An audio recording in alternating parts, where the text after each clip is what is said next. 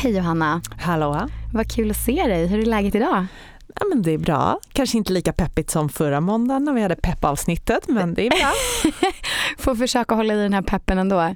Men en liten gråare ton där ute idag. Mm, det är det. Men helgen var fin. Ja, men vad härligt att höra. Mm. Jag började faktiskt dagen med att hälla ut en kopp kaffe över hela min dator. Så det var liksom en klassisk måndag på något vis. Jag försöker att vända det nu så här efter jobbet. Men eh, du, vad härligt då. Helgen var fin sa du. Vad har du pysslat med sen sist?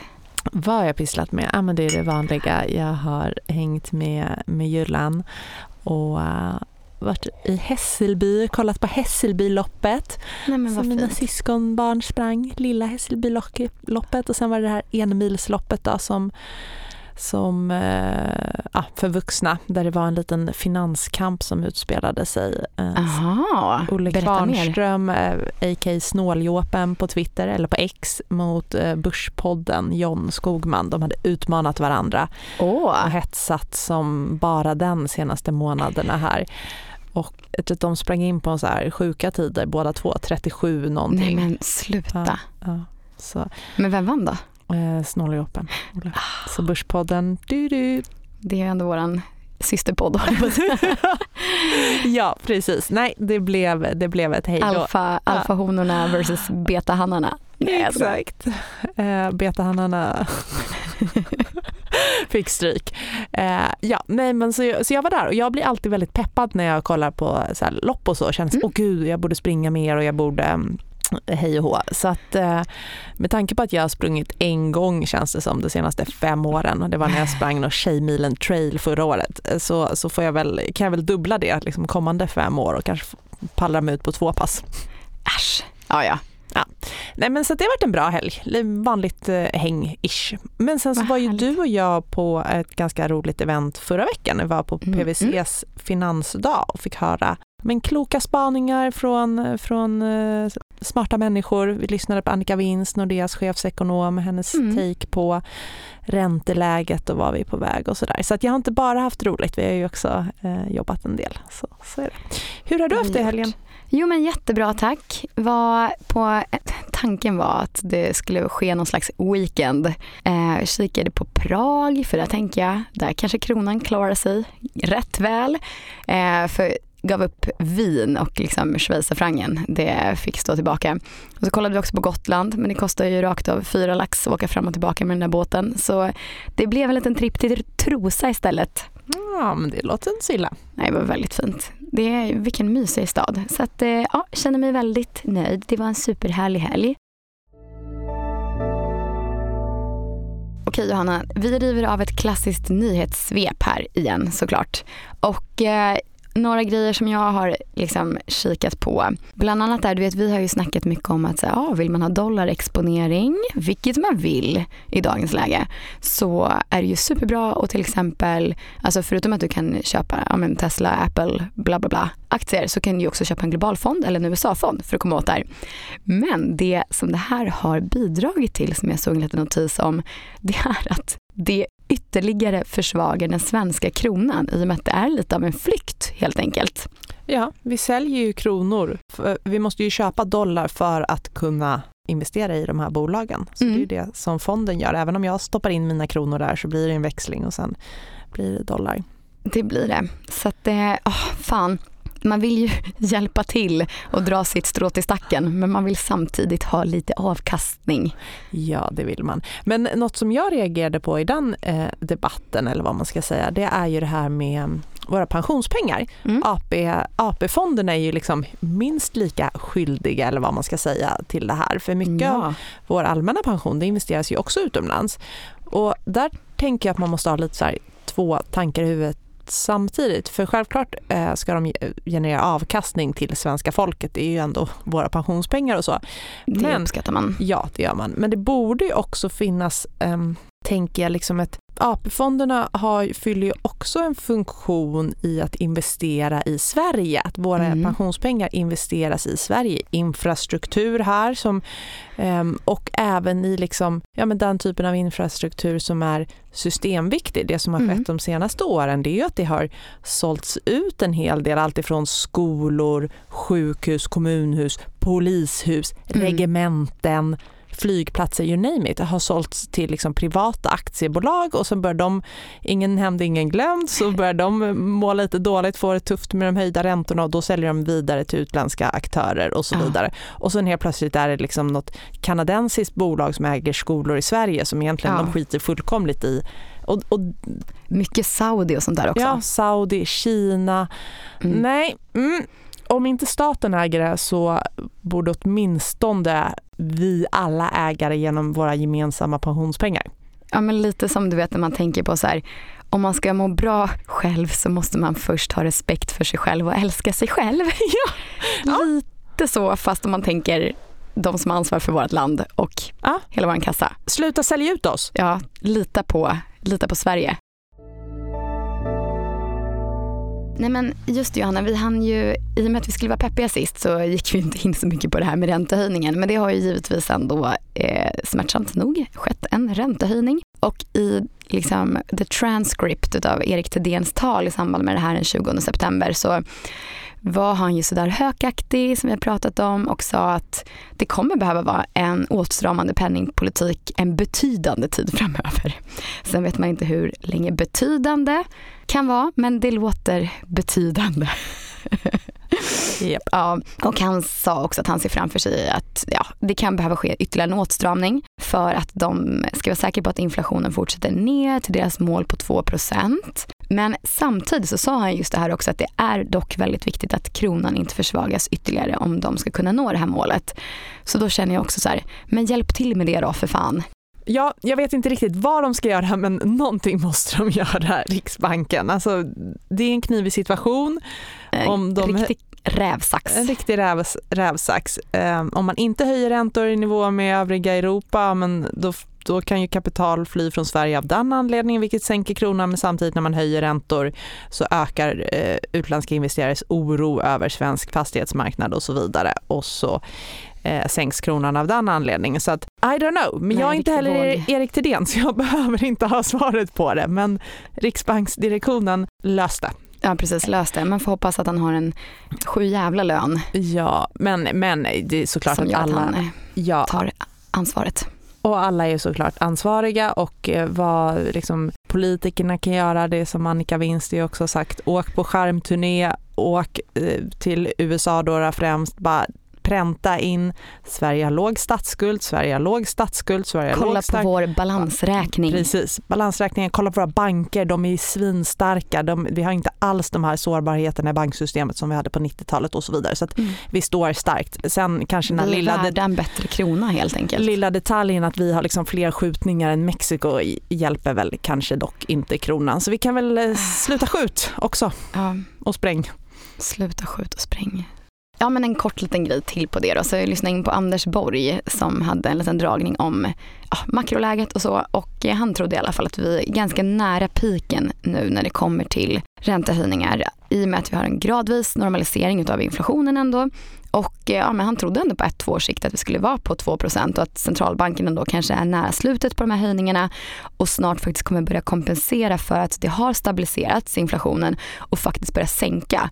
I och med att det är så trögrörligt så kan jag ändå, om jag får gissa mm. vad man spekulerar i här så är det då alltså att, ja men såklart, sänker vi på och sänker på bara för att hålla takten neråt så kanske det snarare kommer då visa sig andra negativa konsekvenser. Men först händer ingenting, händer ingenting och sen händer allting. Det blir inte den där mjuklandningen som man har längtat efter.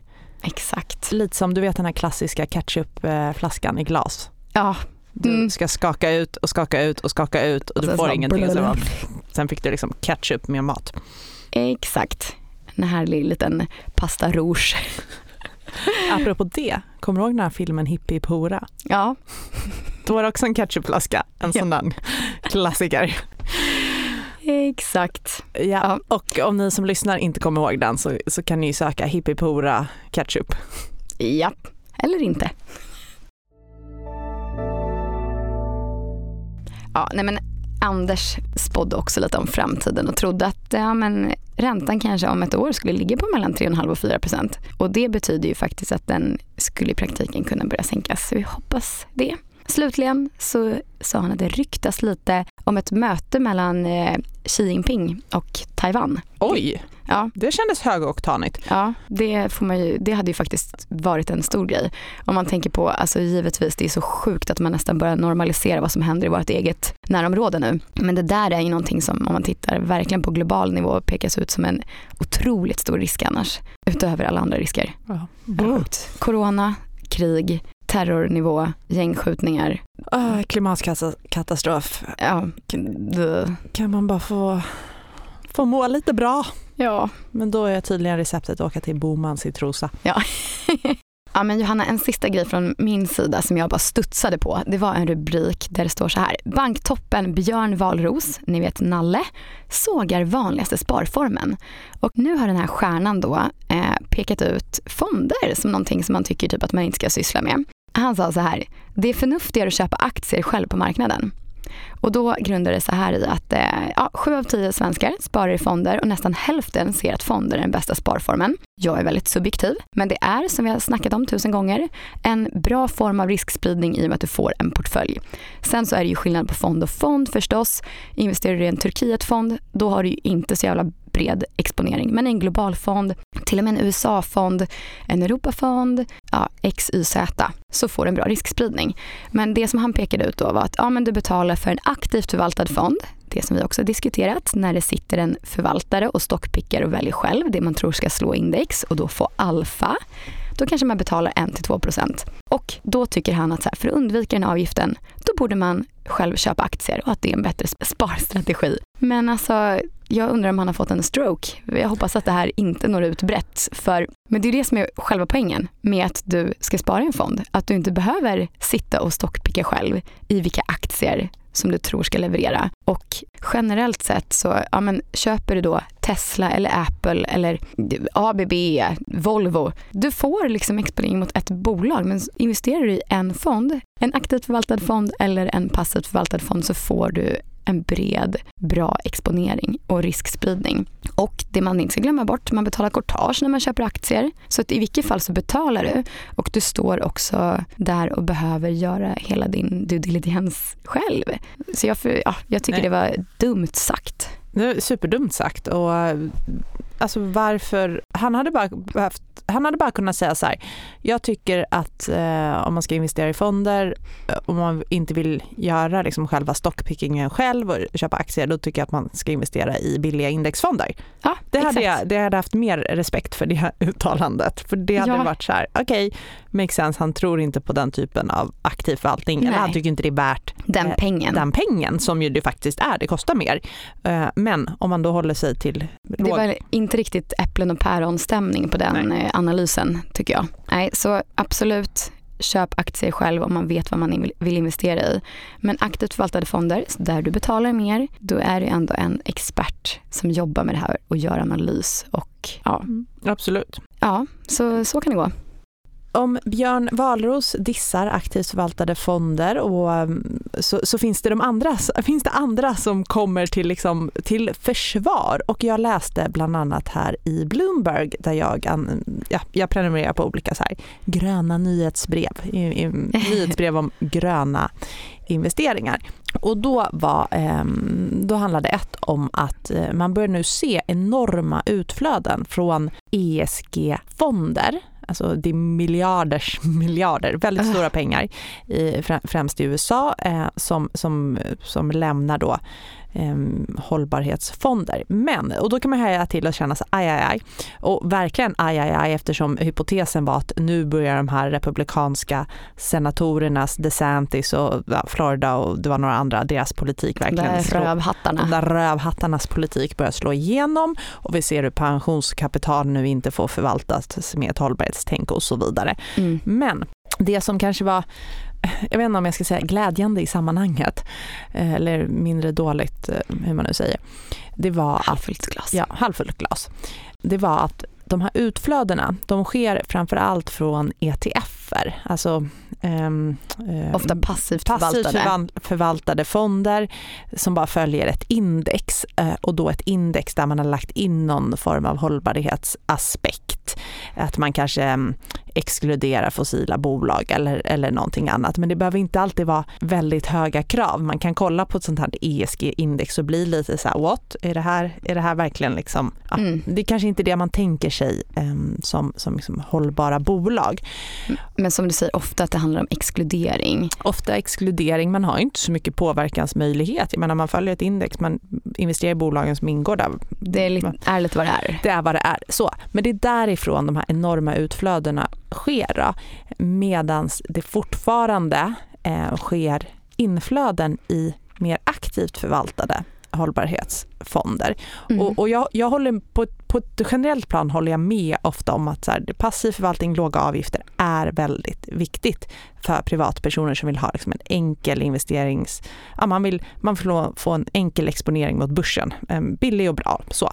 Men om man vill liksom ha lite mer ESG, alltså hållbarhets... Om man, om man vill ha en lite högre hållbarhetsambition, då Alltså är, lite mer impact som Ja, vi lite- prata om. Precis, mer impact av sina investeringar. Då måste man nog antingen liksom göra eh, läxan själv eller göra, investera i aktier själv utifrån bolag som man har valt ut, eh, som passar ens egna investeringsstrategi och så. Och det är ju såklart både högre risk, mer tidskrävande och svårare. Mm. Eh, Men aktivt förvaltade fonder som jobbar med, som, som vill liksom visa på impact och har en, en något mer ambitiös hållbarhetsstrategi. Visst finns det greenwashing där också, men om vi bortser från det nu, så då är det ändå den vägen man får gå. För att det är nog svårt att ha det här mörkgrön eller göra påverkan som indexförvaltare. För att Men som vi bara, en liten passus där, alltså vi har snackat om det här som du säger mörkgröna. Det är Mm. alltså det här sexiga begreppet artikel 9 som finns i Europa i alla fall.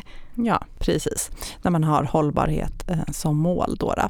Och det är ju som så att eh, dels ESG-data hos bolag, den är väldigt inkomplett, den är, kan vara lite svår att förstå eh, och man behöver liksom analysera den Mm. eh, lite djupare och eh, se vad finns det för gap här och vad kan det bero på och varför har det här bolaget valt att redovisa så mycket på det här området men inte alls så mycket på det här området. Det kan ju finnas väldigt relevanta skäl till det. Jag menar, vi som bank, vi måste ju vara väldigt transparenta och, och lägga mycket fokus på hur vi arbetar och då kommunicera med de här styrningsdelarna. Hur arbetar vi för att motverka penningtvätt och terrorism och så. Det är ju mer relevant för oss än att kanske lägga ner 17 arbetsdagar för att ta reda på exakta vattenförbrukningen som vi på bolaget här har haft Ja. eh, på kontoret. Det, är inte, det ger inte lika stor påverkan. Så om någon bara tittar utifrån på oss och så här, varför redovisar de så mycket om det där men inte riktigt lika mycket om det där? Ja, men det finns ju naturliga skäl till det men det kan ju krävas att någon så här, tänker och inte bara eh, köper eller säljer siffrorna rakt, eh, rakt av. Sådär. Och det är ju också så att eh, som aktivt förvaltad eh, förvaltare, då har du en möjlighet att liksom ha en dialog med bolagsledningar och du kan ha den här påverkan som, och, som faktiskt passivt förvaltade fonder inte inte överhuvudtaget har. Och då tog Mm. de som exempel upp här, det var ett fondbolag som berättade hur de hade jobbat mot eh, Texas Instruments. Du vet, Åh, eh, TJ84. Jajamän! Den, jag har kvar min från gymnasiet. Ehm, Jag med. Ja, eh, men hur de hade liksom mot bolagsledningen där verkligen så här, i dialoger och till slut fått dem att så här, utveckla deras eh, känn kund-förfarande. För Mm. de menar att Texas Instruments hade inte en tillräckligt rigorös process i liksom eh, know your customer. Eh, så. så att de menar KYC. KYC, där hade vi en påverkan så att de har bättre KYC på sin värdekedja och sådär. Mm. Och det hade vi aldrig kunnat ha som indexförvaltare för då hade vi kanske skickat ett mejl och skrivit och så hade de svarat absolut vi kollar på det, tumme upp. Ja, för det som är grejen är med indexfonder som absolut kanske har ett hållbarhetslager, som du säger ändå är så här, man kan ju absolut vara en aktiv ägare som indexförvaltare, men däremot så har du inget leverage överhuvudtaget om det är så här, hej och hå, gör det här, annars så Mm. händer ingenting. Nej precis, ingenting händer och så här. Och i ärlighetens namn kanske man inte ofta i regel är riktigt lite, lika aktiv. Så att, ja, eh, lite till de aktiva hållbarhetsfondernas försvar i alla fall. Super. Johanna. Förra gången så skulle vi bara prata pepp så vi hoppade både räntehöjningen men också höjningen av skatt på ISK. Jajamän. Så take it away. Nej, ja, det kommer ju bli en eh, höjning av eh, skatten på ISK och kapitalförsäkring nästa år. Detta med anledning av att eh, ränteläget helt enkelt är högre. Mm. Och skatten på, på de här kontoformerna, den baseras ju på statslåneräntan per den 30 november året innan. Och vad har skett i år eh, kontra förra året? Jo, eh, statslåneräntan har eh, stigit kraftigt. Vilket då innebär att räntan på ISK kommer att höjas nästa år. Och på ISK där betalar vi ju ingen skatt, ingen skatt på vinster eller utdelningar utan istället betalar vi löpande mm, då skatt på, alltså varje år skatt på schablonintäkten som är tänkt att vara någon slags årlig årlig avkastning. Och den här schablonintäkten eh, den räknar man då fram eh, genom att eh, multiplicera vad har jag haft för värde på mitt ISK vid ingången av varje, varje kvartal. Så multiplicerar man det med statslåneräntan per den 30 december året före plus en procentenhet. 30 november va? Ja, 30 november, år, ja, precis året före. Så vad innebär det då? Jo men eh, Idag så är då statslåneräntan 2,86 procent och ponera att den kommer vara det nu 30 november. Då skulle det innebära alltså att den schablonintäkten, som, eh, schablonavkastningen som man räknar med, det är 2,86 procent plus 1 procent, det vill säga 3,86 procent. Och då tar man det, eh, 3,86 procent gånger sitt kapital, då, då vad värdet på kapitalet har varit i snitt vid ingången av varje kvartal. Då får man, får man fram den här eh, schablonintäkten och sen så multiplicerar man det med 30 procent. Och vad blir då det? Jo, men det blir knappt 1,16 procent. Det här kanske blir svårt att hänga med på, men ta 3,86 procent eh, gånger 0,3 och då får ni fram 1,16 procent. Och det är alltså vad skatten på ISK i så fall kommer vara nästa, nästa år. år. Det vill säga att du mm. betalar 1,16 procent på hela, alltså av hela värdet så ja. dras det 1,16 procent. Och hur ska man då tänka? Är det här bra eller dåligt eller sådär? Ja. Det är ju alltid dåligt. ja men precis. Men eh, om man inte är Mona Sahlin, hon tyckte, det väl, det var, hon tyckte väl att det var tufft. Hur som helst, det man kan utgå från det är den här schablonintäkten. Vad sa vi? Omkring 4 procent ungefär kommer den gissningsvis att landa på. Och då får man tänka så här, mm, för att ISK inte ska vara en, en riktigt dålig affär nästa år, eh, då, då måste jag ha en avkastning som är över 4% gärna mm. lite ytterligare för riskpremie och marginal och så vidare. Och så vidare. Och, och så ska man då ha det år efter år i alla fall. Ja. Så att den förväntade avkastningen på de värdepapper man har på ISK ska ju vara över det här då? Över 4 eh, Så den bör nog vara en 7-8 Eh, Eh, och då, det har ju aktier och aktiefonder. Den förväntade avkastningen ligger ju där omkring. Så då, då, då tror jag ändå mm. att över tid att det, att det är en bra sparform. Och framförallt ska man inte hålla på och kasta sig. Det blir också någon form av spekulation att så här, ja, men nu tar jag ut mina pengar, nu tar jag ut från ISK, från aktierna och fonderna jag haft där och så köper jag på vanlig depå. Men, och sen kanske jag någon gång lägger tillbaka. Det, det, Nej, jag vet, för vi, vi tog ju upp och pratade om det här någon gång innan mm. sommaren tror jag. Mm. Ja, vad det nu var. Mm. Eh, och, så det är bra med en liten påminnare här. Men det är precis som du säger. Jag tänker också för aktier och fonder är ju ändå en långsiktig investering. Och det händer ju mycket saker på marknaden. Vi har upp och nedgångar på börsen och eh, alltså en konjunkturcykel som brukar vara i liksom fem år. Så, ja, och när det som... vänder och går upp, då går det snabbt och då ska man hänga med och veta att det här är en långvarig uppgång. Och den, alltså, ja. nej. Ja, men så länge man inte tror på att det är liksom en jävla röviga år vi har framöver oss nej. under en längre tid. Ja, nej, tror du att det är tio mm. rövår, ja, men då, men då ska du inte ha aktier eller fonder överhuvudtaget. Nej, Nej men precis. Nej, men, och man brukar ju prata om det här, du vet, there's no alternative som det har varit. Mm. Och då har det ju förut inte varit något alternativ än börsen som man brukar säga. Ja. Men nu kan du ändå få så här, ja, men 3,5 nästan 4 procent på Mm. ett sparkonto. Ja. Så det börjar ju faktiskt finnas ett alternativ där ute. Verkligen. Och det ska man ju då ha utanför ISK. Ja, ja. Så, så, så här, ännu viktigare att inte ha massa cash och kontanter och så Ja. eller ränteplaceringar på ISK utan uh, de ska ut. Buffert, kortsiktigt sparande, Mm. sparkonto. Mm. Och även så här medellångsiktigt. Mm. Mm. Mm. Mm. Ja, men om du har någon blandfond eller så. så Ja, exakt. Förut har du kunnat räkna hem det på ISK också men det blir ju tuffare nu. That's right sister.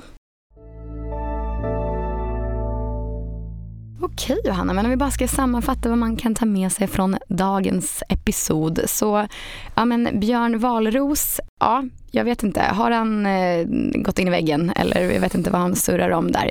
Jag tycker att han har fel i att man hellre ska investera i en aktie och sköta det själv än en aktivt förvaltad fond. Utvärdera dina fonder. Tänk att det är dyrare med aktivt förvaltade fonder men då är det ett proffs som sitter där. Men då är det viktigt att se över att den personen gör sitt jobb.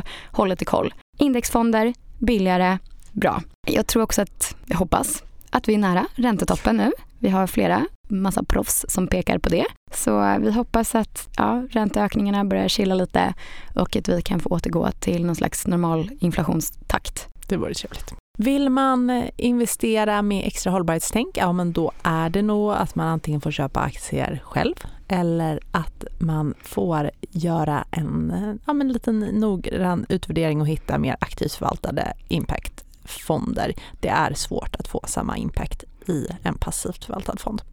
Agreed. Och sen ISK, ja, börssparande långsiktigt. Troligtvis fortfarande ett, ett eh, bra alternativ, framförallt mycket enklare än att hålla på och dribbla med ut på depå och betala Ja, vi vinstskatt. måste tro på det ändå. Det Ja, måste vi vara måste så positivt. Ja. Annars ska vi inte investera i aktier och fonder och det gör vi ju. Så att, eh, men kortsiktigt sparande, i, i, hämta hem, det ska inte ligga och skräpa på ISK. Nej, in på sparkonto. Men bra! Tack Johanna och tack alla ni som lyssnar och glöm inte att följa oss på Insta på alfahonor. Mm. Hej då! Hej då, tack för idag!